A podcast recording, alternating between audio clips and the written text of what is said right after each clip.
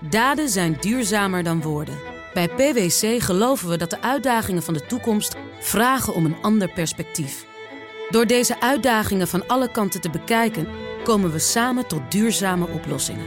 Zo zetten we duurzaamheidsambities om in acties die ertoe doen. Ga naar pwc.nl. Dat is nou precies de business van, van, van Enstra geweest. Uh, hij nam cash in ontvangst. Dat ging met sporttassen. Letterlijk met sporttassen werd dat binnengebracht.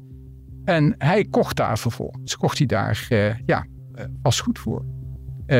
en dan, ja, eigenlijk met, met de bedoeling dat materieel die crimineel eigenaar zou zijn. Die droeg zich ook als eigenaar.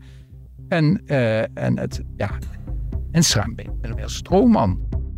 Niet elk ondernemersavontuur eindigt met een notering in de quote 500. Niet elk bedrijf overleeft een flinke crisis. Niet elke onderneming weet het financiële spel goed te spelen.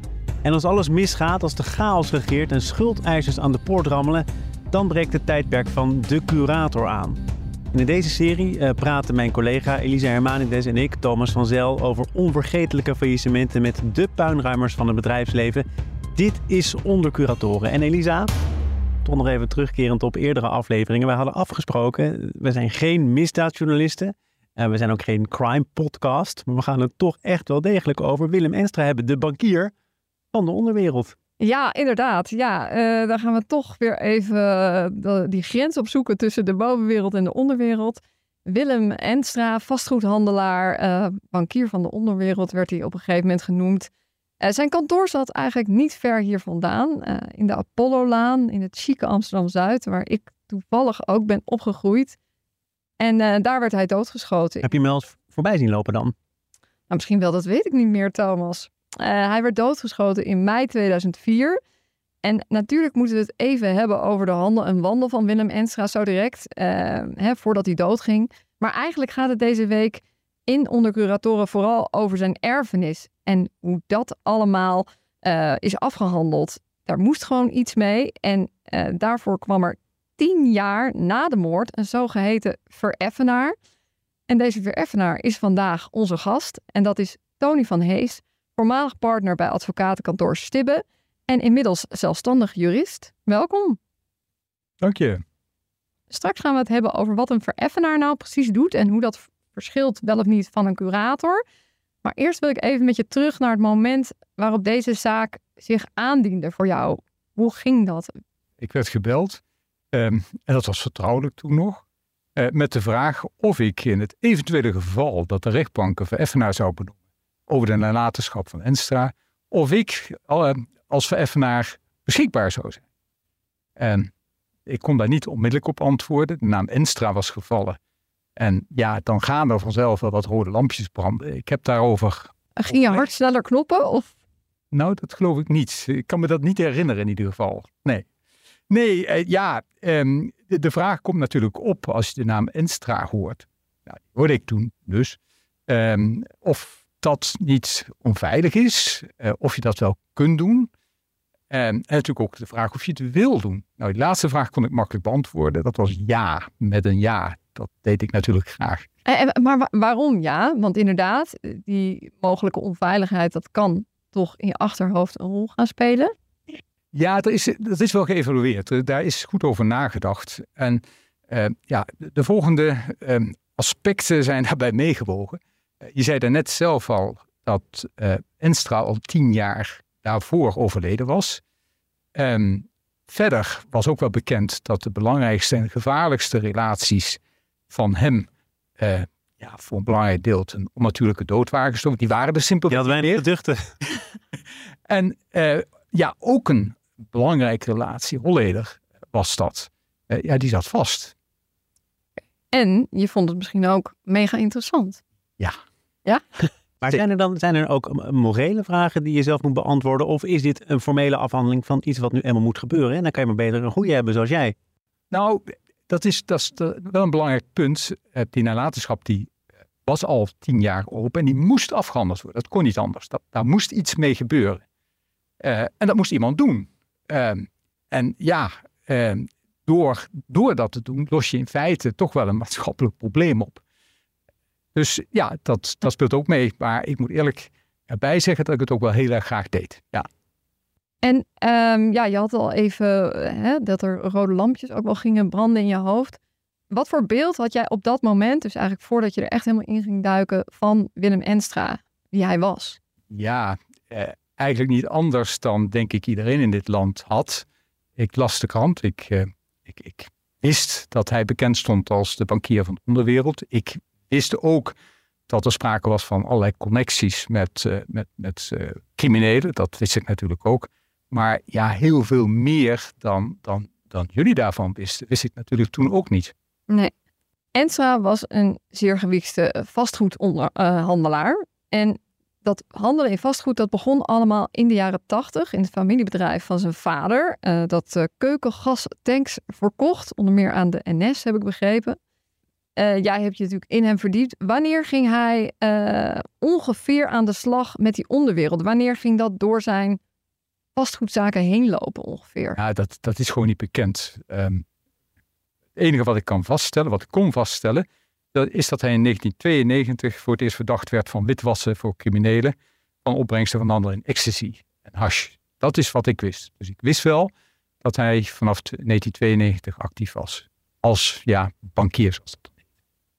Hij bleef denk ik vrij onder de radar als bankier van de onderwereld totdat uh, in 2002 uh, John Mierenmet, uh, ook een crimineel, tegen de Telegraaf zei die Willem Enstra, dat is de bankier van de onderwereld.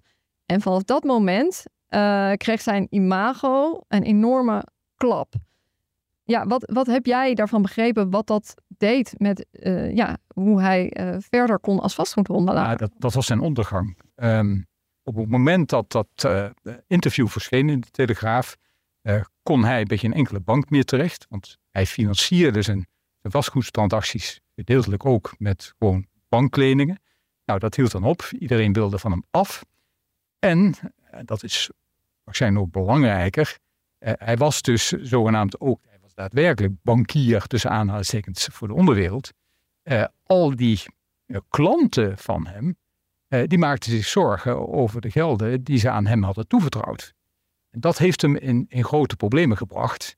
Uh, want hij kreeg in feite wat we in normale bankwereld een bankrun eh, daar kreeg hij mee te maken. Ook hun geld uh, terug. Ja, iedereen, of iedereen, dat, dat is het verhaal. En zo, dat begrijp ik ook dat dat gebeurd is.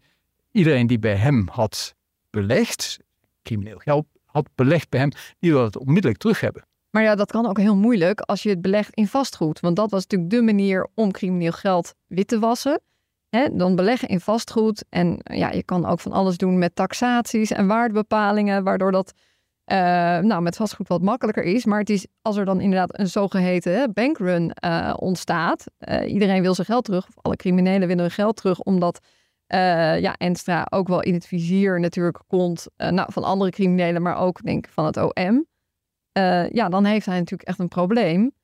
En dan krijg je ook wel een probleem dat je in, met mensen zaken doet die misschien wat minder fris zijn. Ja, precies. En ik, ik, zei dat net al, eh, toen kreeg hij werkelijk problemen.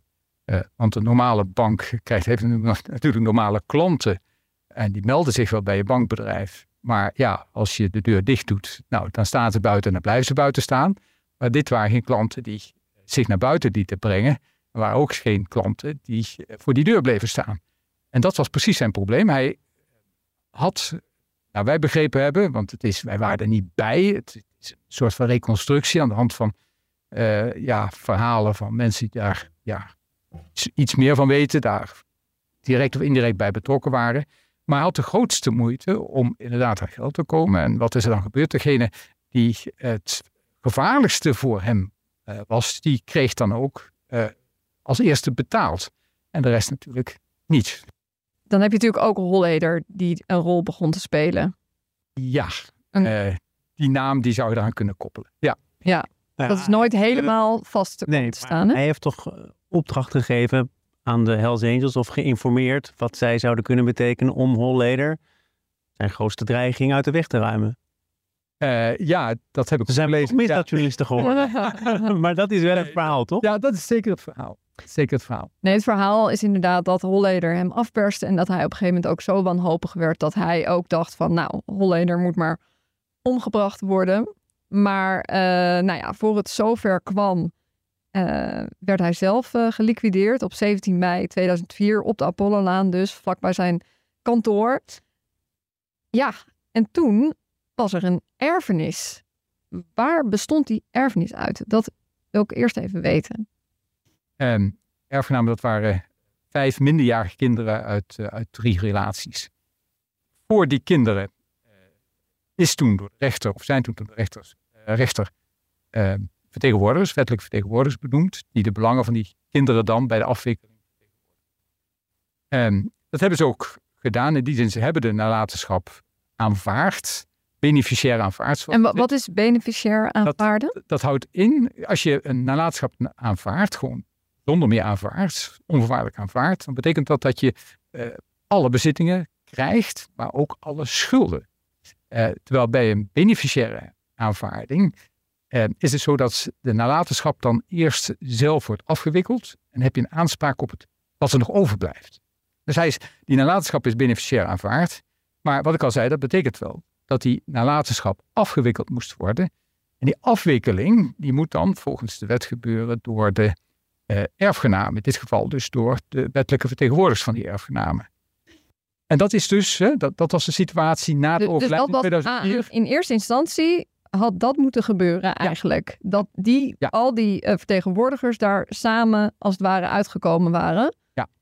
Uh, maar er gebeurde toch tien jaar niks eigenlijk. Of vrij weinig komen we zo nog op. Misschien kunnen we eerst even uitleggen, want uiteindelijk kwam jij als vereffenaar. Wat, wat is eigenlijk een vereffenaar? Uh, een vereffenaar zorgt ervoor dat alle bezittingen te gelden worden gemaakt en dat de opbrengst gebruikt wordt om de schulden te betalen. Uh, en die doet dat formeel uh, namens de erfgenaam.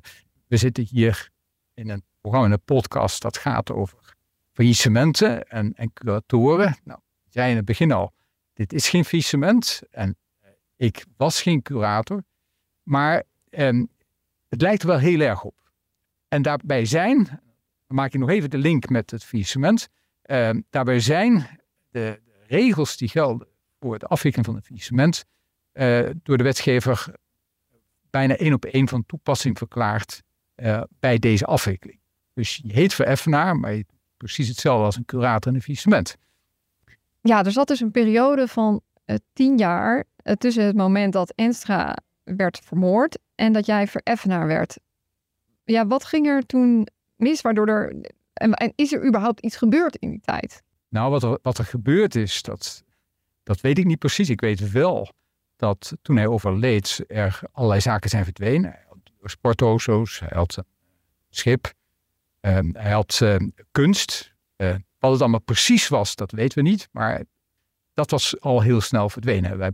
Dat was er in ieder geval ook niet meer, eh, zeker niet meer toen ik tien jaar later tot...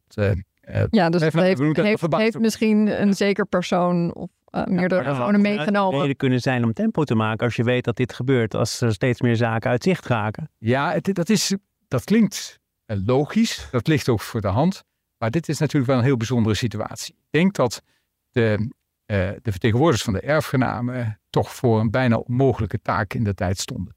Uh, en dan, dan moet je, het, het, volgende moet je namelijk uh, je wel bewust zijn. In de eerste plaats, er was geen administratie. Die, was er simpelweg niet. Helemaal niks. nou ja, ik heb helemaal niets aan administratie aangetroffen. Ik, het ligt ook voor de hand, want hij deed zaken, allerlei transacties, maar die moesten natuurlijk vertrouwelijk zijn. Die mochten niet bekend worden. Dus die werden mondeling gedaan. Ja. er, er, werden geen stukken van opgemaakt. Dus dan is er ook geen administratie. Maar onderdeel van de nalatenschap was ook uh, een vastgoedonderneming. Museum Vastgoed. Um, was daar dan ook geen administratie Nee, dat is een ander verhaal. Um, Museum Vastgoed, dat was een middelgrote vastgoedonderneming. Er zaten heel veel panden hier in Amsterdam zaten erin waarde daarvan, dat was echt tientallen, tientallen miljoenen. Er was Willem Enstra, eh, samen met uh, Klaas Hummel, waren, daar aandeelhouder van. En ook aanvankelijk waren ze beide bestuurder. Uh, en nou keer ik even terug naar 2002, eh, toen, hij bekend, toen bekend werd, of werd gezegd werd, eh, dat hij bankier van de onderwereld was. Dat maakte zijn positie als bestuurder van die vennootschap ook onmogelijk. Want ook geen enkele bank wilde toen meer met deze, uh, deze vennootschap te maken hebben. Dus hij heeft zich toen als bestuurder teruggetrokken. En dat had wel gevolgen voor de afwikkeling. Want vanaf dat moment zat alleen Hummel daar als bestuurder. in de nalatenschap zat 50% van de aandelen van die vennootschap. Maar de andere 50% was in handen van Hummel. En Hummel kon er door ons niet uitgezet worden. En die zat daar uh, en die deed ja, wat hij wilde. Wat niet altijd in het belang was van de nalatenschap. Dus, uh, maar wat deed hij dan bijvoorbeeld waarvan jij zegt: dit is uh, ja, in tegen wat nu eigenlijk voor ons het beste zou zijn of voor de nalatenschap? Nou, hij, hij is door, door mij in de tijd beschuldigd van het doen van transacties die wel in zijn belang waren, maar niet in het belang van. Hij heeft ze goedkoop van de hand gedaan, toch? Ehm, hij verkocht dingen aan zijn vrouw of aan zijn echt ex-vrouw. En er waren dingen met taxaties. Ja, precies. Uh, nou ja, vertel, vertel maar even wat meer. nou, daar heeft een uh, transactie plaatsgevonden. Uh, met, met inderdaad uh, zijn, zijn echtgenoten. En ja, tegen een prijs waarvan je denkt, nou is die niet wat te laag. En we kregen, op een bepaald moment kregen stukken van justitie in handen eh, waaruit bleek, dat was dan communicatie tussen Hummel en, uh, en Zadelof, makelaar, die die objecten waar het om ging, het object waarom, waarom het ging, had getaxeerd. En in die, uh, in die communicatie uh, stond, kwam nou duidelijk naar voren dat de opdracht aan Zadel was om het zo laag mogelijk te taxeren. en er was een antwoord vanuit Zadelhof toen. En dat antwoord luidde ongeveer zo.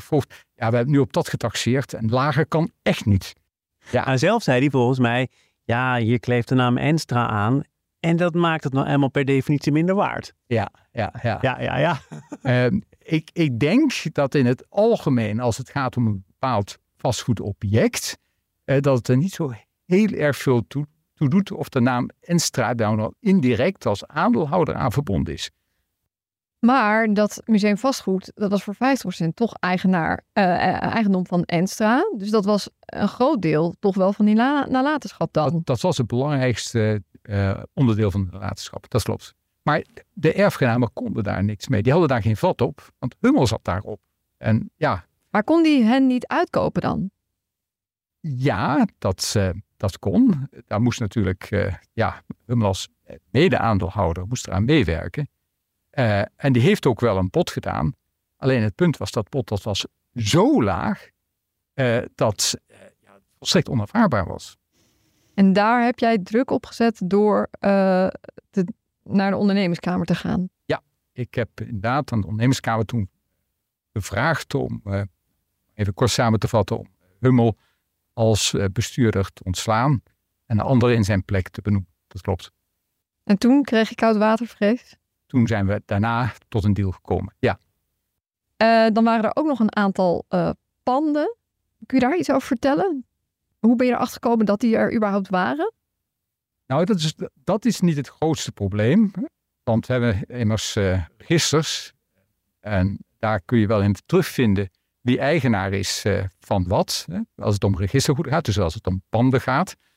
dus die vonden we wel snel genoeg. dat waren hier in Nederland, ik weet niet precies, maar een stuk of vijf, zes panden. Het was heel lastig te verkopen onroerend En allemaal problemen die eerst opgelost moesten worden. Dat was Nederland. Um, hij had ook een aantal panden in Spanje. Uh, villa's, uh, appartementen. Um, ja, en daar speelde hetzelfde mee. Alleen, uh, ja, dan moet ik iets meer zeggen over de manier waarop Enstra werkte. Hij was dus bankier, daar hadden we het er net over. Eh, en hij belegde voor zijn klanten. Waar deed hij dat in? Dat deed was goed, hè? Dat, hebben we net, net, ook besproken. En, en hoe deed hij dat dan? Ah, in feite simpel. Hij kocht, in overleg met die klant, kocht hij een vastgoedobject. De villa in Spanje. Uh, dat werd dan op, naam van Enstra gezet, want de crimineel die het betrof, die wilde absoluut niet dat zijn naam ook maar ergens aan enig, enige bezitting kon worden gekoppeld. Want dan liep het risico dat dat door justitie ingepikt zou worden. Ehm, dus dat werd op naam gezet van, van Enstra, maar betaald, of voor een belangrijk deel betaald, door die crimineel. En die beschouwde zich dan ook materieel als eigendom. Bijvoorbeeld hij zelf woonde erin, die, uh, of, of een familielid woonde daarin. Maar dat was dan gewoon betaald met cash? Ja. ja. Gewoon, uh, ja. gewoon zo'n koffer met, uh, ja, maar dat, dat, geld erin. Ja, precies. Maar dat is nou precies de business van, van Enstra geweest. hij nam cash in ontvangst. Dat ging met sporttassen. Letterlijk met sporttassen werd dat binnengebracht. En hij kocht daar vervolgens. Kocht hij daar ja, vastgoed voor. en dan, ja, eigenlijk met, uh, met de bedoeling dat materieel die crimineel eigenaar zou zijn. Die droeg zich ook als eigenaar. En, uh, en het, ja, en stroomman. Maar jij kwam dus langs bij die panden die materieel eigendom waren van die criminelen die daar ook woonden. Uh, ja, prettige wedstrijd dan. Hoe kom, je daar, hoe kom je daar op een nette manier van af dan? Of lukt dat überhaupt niet? Nou ja, het, het, voor, voor mij was het echt heel simpel. Um, ik, ik, ik, ben, ik was vereffenaar uh, en ik moest dus de bezittingen van Enstra te gelden maken. Dit stond op zijn naam. Uh, dus dat, was, dat behoorde tot die nalatenschap. En dat uh, moest ik dus verkopen. Het enige probleem dat ik had, is dat er vaak iemand in zat die ik er eerst uit moest krijgen. Um, en dat, dat ja... Leek ook nog heel erg makkelijk zijn. Uh, ja, of familie daarvan, of, of wie dan ook. Maar de, de, in ieder geval, er zat in die panden zat daar steeds iemand. En ja, die moest ik eruit zien te krijgen voordat ik het kon kopen. Ja, dat klopt. Um, er lopen uh, in Spanje nog procedures. Uh. Ja, eh, kijk, je hebt het de hele tijd over de erfgenamen. Maar er waren nog uh, wat instanties die ook wat geld wilden van dat nalatenschap. Het OM, de Belastingdienst. Um, daar is volgens mij, heb ik begrepen, ook een soort deal van tevoren al met jou overgesloten. Hoe zat die in elkaar? Um, toen ik benaderd werd um, met de vraag of ik tot Wefna wilde, uh, benoemd wilde worden, uh, was voor iedereen duidelijk uh, dat ik dat alleen maar kon zijn als er met meer helderheid bestond over wie nou precies aanspraak had op die nalatenschap. Naar wie de gelden toe zou moeten.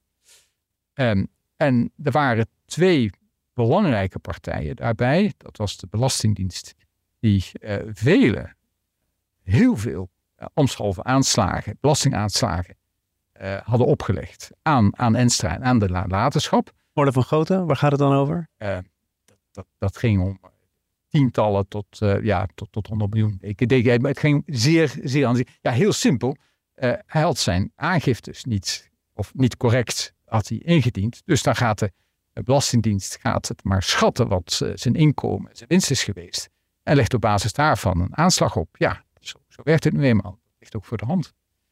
En dus de Belastingdienst was, uh, was een grote en belangrijke schuldeiser. Uh, waarbij je ook nog moet bedenken dat de Belastingdienst een hoge voorrang heeft. Hè. Die moet als eerste uit uh, door, door de debiteur. Ja, net als een gewoon faillissement ja, natuurlijk. Ja.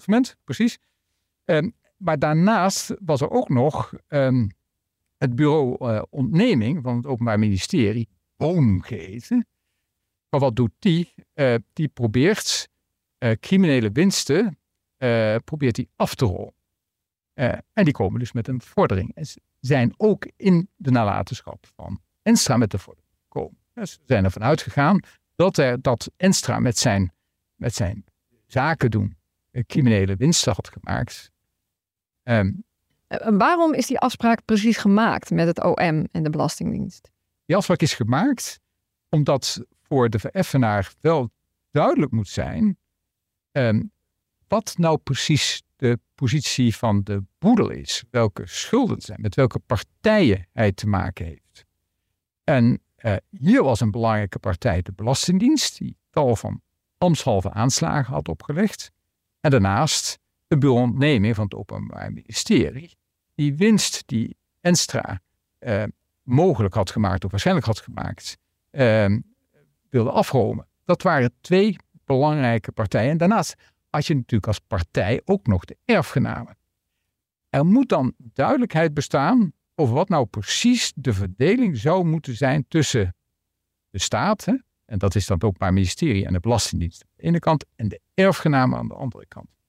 Die duidelijkheid, die, die, die we even hebben, anders kon die simpelweg zijn werk niet doen. Want als zou blijken dat al die opbrengst toch naar het uh, de Belastingdienst, wat helemaal niet zo gek zou zijn, uh, zou zijn gevloeid, ja, is die positie anders dan wanneer er een wezenlijk deel van die opbrengst naar de erfgenamen zou moeten gaan. Dus dat was de reden om uh, een afspraak te maken. Een afspraak niet met mij, maar een afspraak tussen het Openbaar Ministerie, hè, dus Bureau Onderneming, de Belastingdienst, tweede partij en de erfgenamen als derde partij. Puur over de verdeling van de opbrengst. En um, wat ik heb begrepen is uiteindelijk dat het OM heeft gezegd in 2015 dat um, zij 40 miljoen terugkregen uh, van dat, dit claim op dat criminele geld. En dat dat weer ongeveer de helft was van de waarde, van de aandeelhouderswaarde van Museum Vastgoed. Het deel wat in handen was van Willem Enstra. Klopt dat ongeveer? Uh, het klopt wel ongeveer dat de Belastingdienst zo'n 40 miljoen heeft ontvangen. Ja. De Belastingdienst of de OM? Ja, Belastingdienst en OM. Die hebben dat als, samen? Ja, die hebben dat samen ontvangen. Ja. Oké, dus dat is, dat is eigenlijk, je zou kunnen zeggen, dat is de staat die heeft dat ontvangen. Ja. Ze hebben dat eigenlijk onderling eigenlijk van tevoren bepaald als er maar geld naar de schatkist gaat ja. van dit criminele, uh, of deze criminele ondernemer. Dat klopt, ja. En wat kregen de erfgenamen dan uiteindelijk? Of... Nee, ik, ik, kan, ik, ik weet natuurlijk wel wat er aan de erfgenamen is uitgekeerd. Uh, ik kan geen bedragen noemen. Ik kan wel zeggen dat het echt het leeuwendeel uh, de overheid gegaan, dus naar de Belastingdienst en het uh, Openbaar Ministerie. Een klein deel dus is naar de erfgenamen. Ja, maar een klein deel van een bedrag dat je afzet tegenover 40 miljoen is nog altijd een miljoen per kind bijvoorbeeld. Ja, nou, ik, ik zal even, nog even een andere opmerking hierover maken. Want de vraag, ik begrijp de vraag uh, waarom er dan geld naar de kinderen is gegaan. Uh, we moeten ons realiseren dat uh, Enstra, die zal inkomsten hebben gehad en vermogen hebben verkregen uit, uit criminele activiteiten. laten we dat, dat maar aannemen. maar zijn, hij komt uit een familie die wel vermogend was. En het zou niet helemaal juist zijn als ook dat vermogen door de staat zou worden nou, ingepikt, om dat woord maar even te gebruiken. Uh, dus dat is ook de reden dat, dat, dat de staat in die afspraak die met de erfgenaam is gemaakt, een, een, een deel, een, nogmaals een klein deel van de opbrengst aan de erfgenaam heeft gelaten.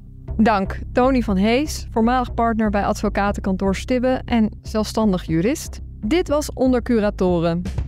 Wil je meer reconstructies van faillissementen horen? Abonneer je dan via jouw eigen podcastkanaal of via de app van BNR. Luister vooral ook de vorige aflevering over Conservatrix. Deze levensverzekeraar ging failliet en dus moesten de curatoren klanten gaan vertellen dat hun pensioen of uitvaart er soberder uit ging zien. Dankjewel voor het luisteren. Daden zijn duurzamer dan woorden. Bij PwC geloven we dat de uitdagingen van de toekomst vragen om een ander perspectief. Door deze uitdagingen van alle kanten te bekijken, komen we samen tot duurzame oplossingen. Zo zetten we duurzaamheidsambities om in acties die ertoe doen. Ga naar pwc.nl.